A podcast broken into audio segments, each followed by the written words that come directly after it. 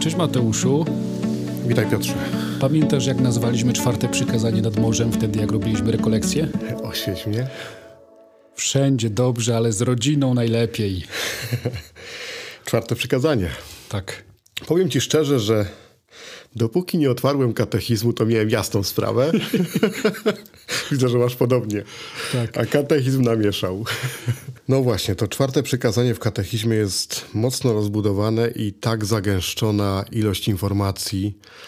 A gdybyśmy tak chcieli prosto spojrzeć, to, to, to ciężko. No to po pierwsze, jak brzmi? Czci ojca swego i matkę swoją, No i znowu powinni się odezwać co niektórzy, że obcięliśmy to czwarte przykazanie. abyś długo i dobrze żył. Ja sobie tak skracam trochę. Ale żeby było wszystko. Byłem zdumiony faktem, że to przykazanie pojawia się również w listach świętego Pawła. Tak. No na pewno jest to szczególne przykazanie chociażby dlatego, że w jego treści jest już pewna obietnica. Że jak będziemy czcić ojca i matkę, to będziemy długo żyli, będzie nam się powodziło. Właśnie do tego zmierzam. Chciałbym go zacytować wprost. Święty Paweł pisze tak. Dzieci, bądźcie posłuszne w Panu waszym rodzicom, bo to jest sprawiedliwe. Czcij ojca twego i matkę. To jest pierwsze przykazanie z obietnicą, to jest dodatek świętego Pawła. Aby ci się żyło dobrze i abyś był długowieczny na ziemi. Tak. Ja próbowałem znaleźć jakiś taki wspólny mianownik dla tego przykazania. Według katechizmu oczywiście, bo katechizm od razu może nakreślmy to, skupia się na takich trzech płaszczyznach. Tak jest. Najpierw jest kwestia e, dzieci względem rodziców, potem rodziców względem dzieci, a na koniec jeszcze człowieka względem władzy czy społeczeństwa, takiej odpowiedzialności.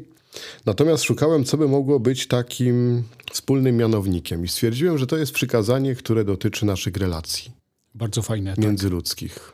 I tak nigdy nie patrzyłem na to przykazanie. Od razu mówię, że, Aha. że w tym przykazaniu chodzi o relacje. Zwłaszcza, że to przykazanie w katechizmie jest potem rozciągnięte na dziadków, na babcie, na tych, którzy sprawują jakąkolwiek władzę, na posłuszeństwo wobec y, państwa. Katechizm tam dużo tego miejsca poświęca.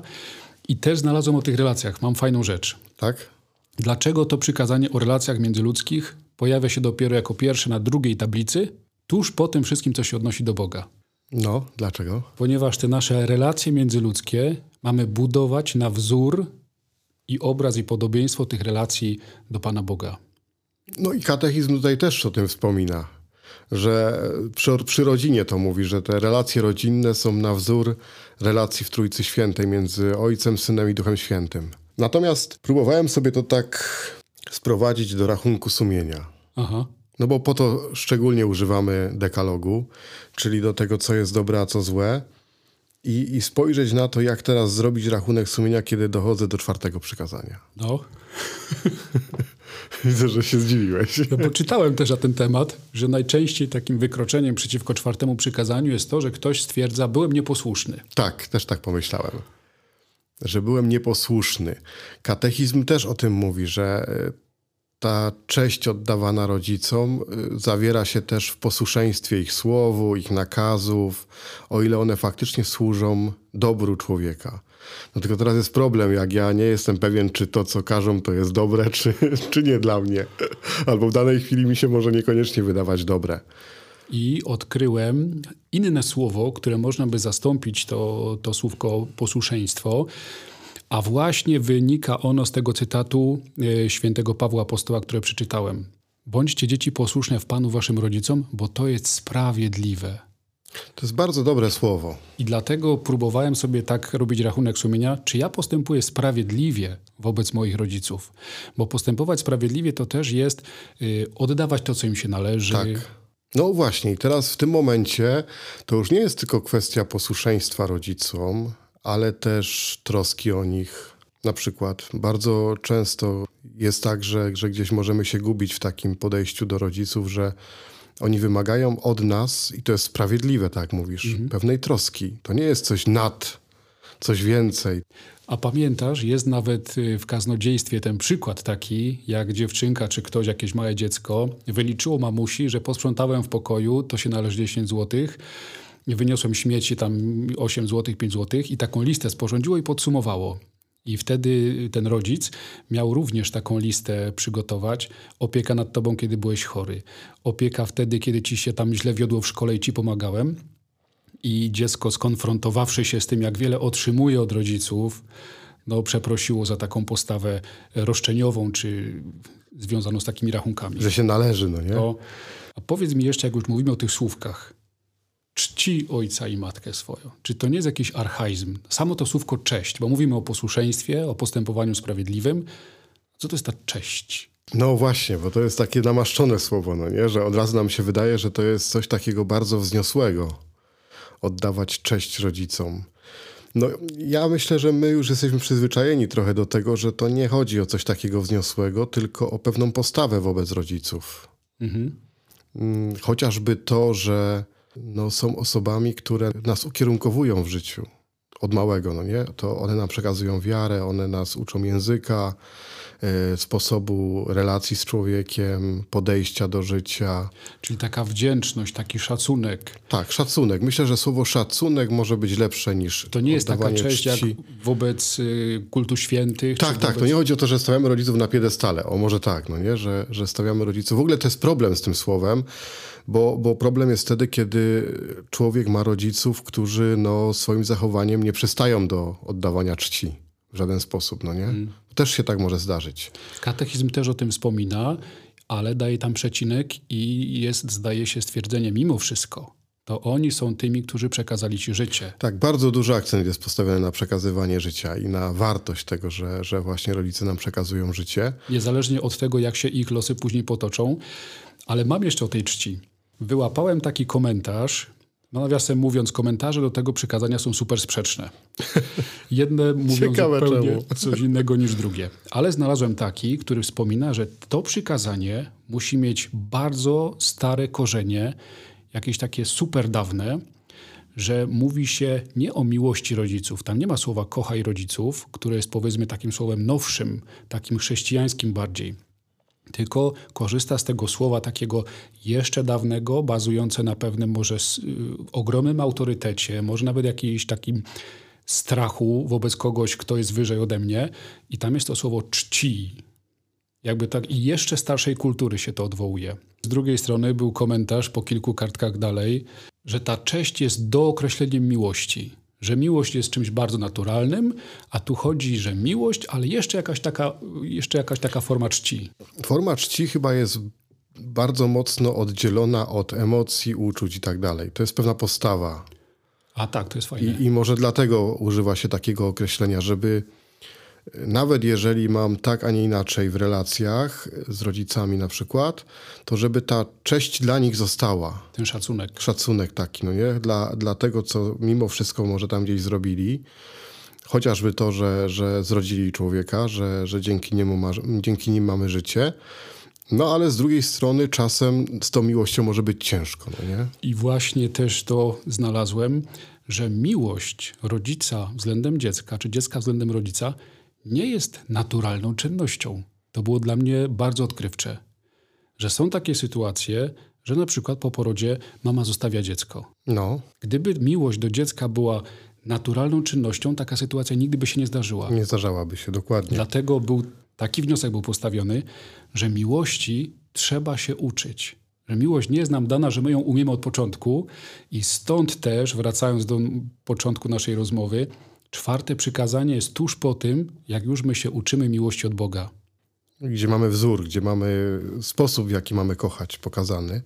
Ja bym tutaj, jak już zaczęliśmy ten temat, to, to użył pierwszego takiego mojego dopowiedzenia, że tak powiem, do, do, tych, do tego przykazania. Kwestię starości. Bo ty sięgnąłeś do bardzo dawnych czasów y, z tym podejściem do, do rodziców, z tą czcią, ale to nawet nie są tak dawne czasy, tylko kwestia dzisiaj już na przykład miejsca, w którym się znajdujemy. Ja pamiętam na etyce taki kazus, kogo się ratuje w którym miejscu świata. Jeżeli jest wypadek i w wypadku jest dziadek, rodzic i dziecko, w wypadku samochodowym, to kogo najpierw się ratuje? W naszym społeczeństwie zaczyna się od dziecka. Natomiast w społeczeństwach takich jak Afryka zaczyna się od dziadka. I dlaczego tak jest? To jest oczywiście trochę pewnie uproszczone, ale idea jest taka, że U nas my się nie martwimy o to, co się stanie z tym dzieckiem, jeżeli rodzic lub dziadek nie przeżyje, bo społeczeństwo się zatroszczy. Natomiast w takich czasach, gdzie potrzebne było bardzo duże doświadczenie życiowe, bardzo duża wiedza, gdzie jej nie można było sobie od tak znaleźć, to tą wiedzę przechowywali najstarsi w pokoleniu. Mhm. Więc o nich się najbardziej dbało. Bo bez nich to dziecko, nawet gdyby przeżyło, i tak umrze. Natomiast oni są w stanie, że tak powiem, dać nowe życie. To była bardzo taka, e, powiedzieliśmy, kalkulacja w pewnym sensie, ale pokazuje coś, co nam się dzisiaj zgubiło bardzo mocno. Czerpanie z doświadczenia starszych osób, wsłuchiwanie się w to, czego oni już doświadczyli w życiu, jakie mają podejście do życia, co wiedzą o życiu. A my często nie doceniamy tych starszych ludzi, a to przykazanie nas kieruje w taką stronę myślenia, a może oni wiedzą więcej i lepiej. Także to jest pierwsza taka rzecz, żeby się zastanowić nad starością, nad podejściem do starszych osób, nie tylko rodziców, ale na przykład dziadków, czy w ogóle starszych ludzi, którzy mamy gdzieś w otoczeniu, w pracy. Druga rzecz, taka, którą sobie gdzieś wynotowałem z tego przykazania, to jest przekaz wiary. Bo w tym momencie rodzice, rodzina, taka najbliższa, dziadkowie, no to jest przekaz wiary, to jest źródło wiary. Jak się przygotowywałem, to chciałem rozpocząć od takiego zdania, że Jezus oczywiście zniósł czwarte przykazanie. Już, już jest nieaktualne, nie obowiązuje. Tak? Bo przecież wyraził się, że kto nie ma w nienawiści ojca i matki, ten nie jest mnie godzien. No, to to jest pewna taka parabola, żeby pokazać coś ważnego. Jak badałem analizę tego tematu, tych słów Jezusa, to chodzi tam o podkreślenie, że są więzy rodzinne, o których mówiliśmy teraz, ale są też, tak jak wspominasz, więzy wiary. I w tych więzach wiary Jezus zwraca uwagę, że jest ktoś, powiedzmy, ważniejszy niż mój ojciec tutaj ziemski, to jest ten ojciec w niebie. Analogicznie możemy powiedzieć, że oprócz mamy tutaj na ziemi, mam też matkę, matkę Kościół. To jeden z ojców Kościoła powiedział, że kto nie ma Kościoła za matkę, nie może mieć Boga za ojca. Tak, tak, dokładnie. No, to jest to, no nie? że z jednej strony przekaz wiary, a z drugiej strony wiara jest jak gdyby ponad więzami rodzinnymi. Kolejną taką rzeczą to, że to jest przykazanie związane z taką szkołą przebaczania. No bo jak o relacjach, to wiadomo, że no, człowiek jest tylko człowiekiem, my tutaj grzeszymy. Bardzo często grzechy są budowane w oparciu o relacje. Najczęściej w oparciu o relacje z najbliższymi mamy najwięcej okazji. Ciężko jest grzeszyć z kimś, kogo nie widzę codziennie. Pokłóciłem się czasu. z nieznajomym z Afryki, nie? tak. no nie? Więc, więc to jest taka szkoła przebaczania też. I, I tak mi się to skojarzyło, że warto przy tym przykazaniu pomyśleć nie tyle że się tylko po prostu pokłóciłem, tylko jakie jest moje podejście do y, godzenia się, do przebaczania że to jest taka szkoła tego przebaczania, że jak patrzę na czwarte przykazanie, to się pytam, czy ja już się nauczyłem przebaczać to, co Pan Jezus mówi, żeby gniew zachodził wraz ze słońcem, no nie? Żeby się pogodzić przed zachodem, przed pójściem spać, przed położeniem się. To też jest takie bardzo, myślę, ważne. Boję się, bo książkę otworzyłeś, będzie cytat.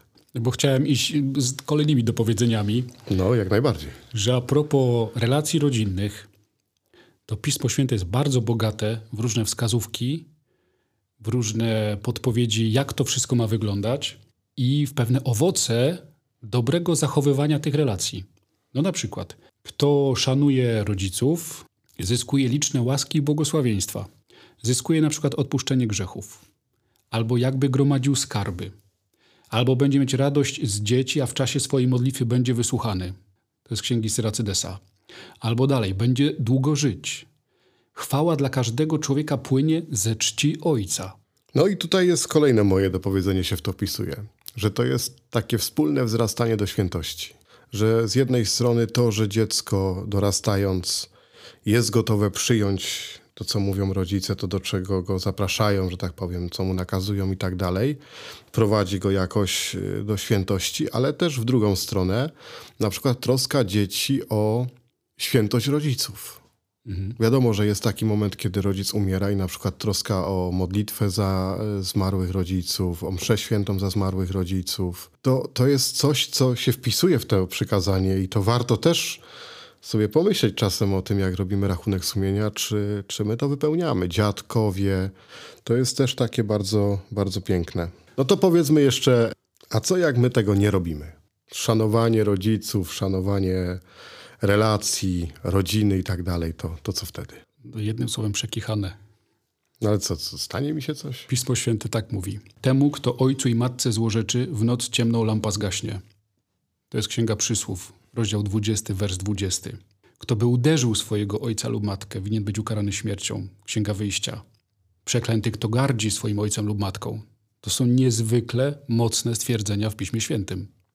No one pokazują, jaka była też hierarchia, no nie? Że ten rodzic to był faktycznie ktoś, kto miał swoją pozycję. A słuchaj tego. Kto ojca lub matkę ograbia, mówiąc, to nie grzech, jest wspólnikiem zbójcy. Księga Przysłów. No powiem tak, że warto na to przykazanie patrzeć z takiej perspektywy prawdziwej troski. Że to jest takie wołanie o troskę. Z jednej strony dzieci o rodziców, z drugiej strony rodziców o dzieci. A mam jeszcze jakąś wskazówkę dla twojego taty. Ćwicz syna, póki jest nadzieja. Księga Przysłów, rozdział 19. To było naprawdę zabawne. Wychowuj swojego syna i używaj go do pracy, abyś nie został zaskoczony jego bezczelnością. Księga Syracydesa. Jednym słowem, tak jak to cytujesz, jedno po drugim, to tak sobie myślę, że to jest Pismo Święte to jest dobry poradnik życia rodzinnego. Nie trzeba kupować innych. Najlepszy poradnik z tego wynika, jak bardzo chrześcijaństwo daje dobrą podbudowę dla formacji, dla formowania się rodziny. No ma szczególne znaczenie dla wiary jednak rodzina. Nie ma co się oszukiwać. To, to rodzina jest tym miejscem, gdzie człowiek wzrasta w wierze i, i stąd myślę, że Pan Bóg wie, co robi.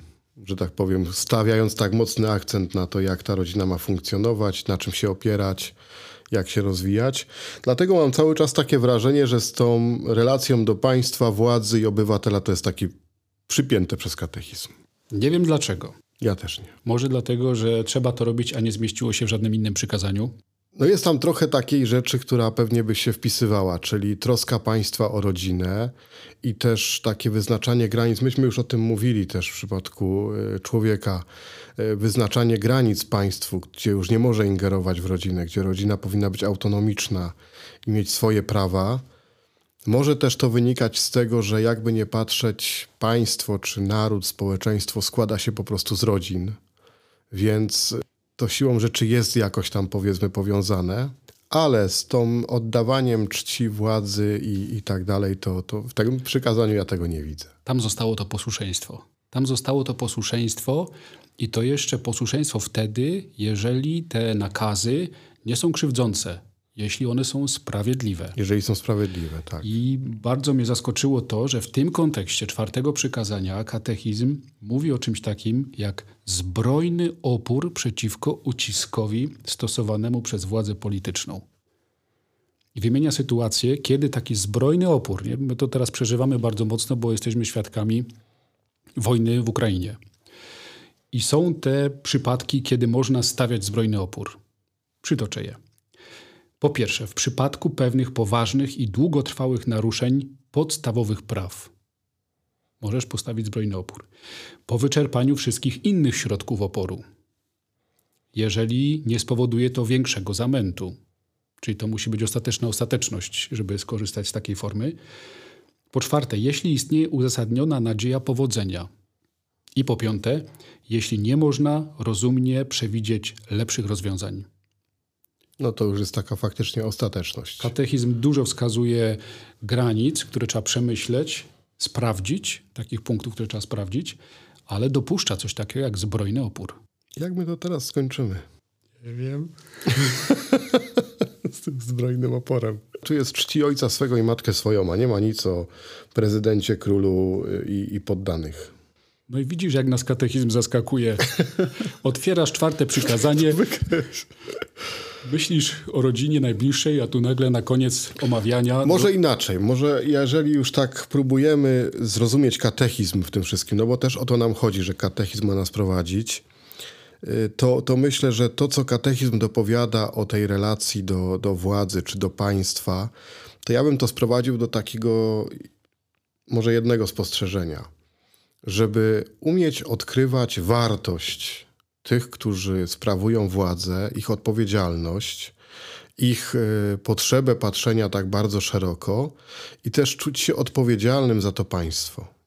Bo faktycznie tego nie ma w żadnym przykazaniu dekalogu. Tu jest jedyne miejsce, gdzie to, że tak powiem, bo to też są relacje, można wprowadzić i warto zobaczyć, czy ja potrafię w taki sposób spojrzeć na to, widzieć trochę więcej, trochę lepiej, być za to odpowiedzialnym. Tak sobie pomyślałem teraz, upraszczając bardzo pewnie to, co katechizm powiedział, ale taka prosta rzecz.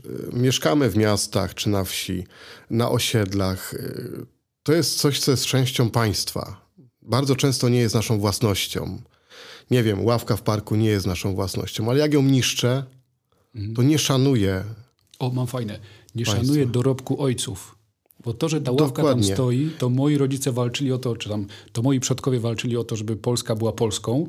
Ja nie tak. szanując tej przysłowiowej ławki, nie szanuję ich starań. Więc może w tą stronę bym poszedł w, tym, w tych relacjach, żeby to tak może uprościć troszkę, ale zobaczyć tak praktycznie. To mi się bardzo podoba. A też mówimy często, że Pismo Święte należy tłumaczyć przez Pismo Święte, że ono samo podpowiada lepsze sposoby rozumienia i jest w katechizmie zacytowany też list do Rzymian. I być może kluczem do tego cytatu było słowo cześć. Brzmi to tak: Oddajcie każdemu to, co mu się należy. Komu podatek? Podatek. Komu cło? Cło. Komu uległość? Uległość. Komu cześć? Cześć. I być może związek tych słów, nagromadzenie tych słów sprawiło, że ktoś też pomyślał o naszych rządzących. No, jeżeli patrzymy z perspektywy relacji, no to tak. To jest taka e, hierarchia, no nie? To jest wszystko wtedy poukładane. No i ma swoje znaczenie, tak? Mówię nawet w takich najprostszych rzeczach. Księże Mateuszu, zaskoczyłeś mnie, jak zwykle, bardzo pozytywnie. I wzajemnie. Jesteś lepszy niż katechizm? Znaczy, wiem, że katechizm próbuje dużo wcisnąć, tak bym powiedział, że chce dużo wcisnąć w to przykazanie w bardzo małej ilości stron. Bardzo mi się podoba ta ostatnia intuicja. To, co ty powiedziałeś o tym, że to jest dorobek ojców, to katechizm o tym mówi właśnie przy tej polityce i przy władzy i przy społeczeństwie, żeby umieć patrzeć na ojcostwo z takiej szerokiej perspektywy, że y, nawet coś, co nie jest wprost dziełem naszego ojca, jest dziełem ojca narodu. Jakiegoś człowieka, który gdzieś przed nami coś osiągnął, coś zrobił, wpisał coś w ten naród, więc to jest też taka, taki szacunek wobec tych ludzi. To mi się bardzo podoba bo lubię genealogię i też katechizm o tym mówi, że my nie jesteśmy przypadkowymi. Tak. My jesteśmy jedną wielką rodziną. I warto się w tym odkrywać i dobrze, dobre relacje budować.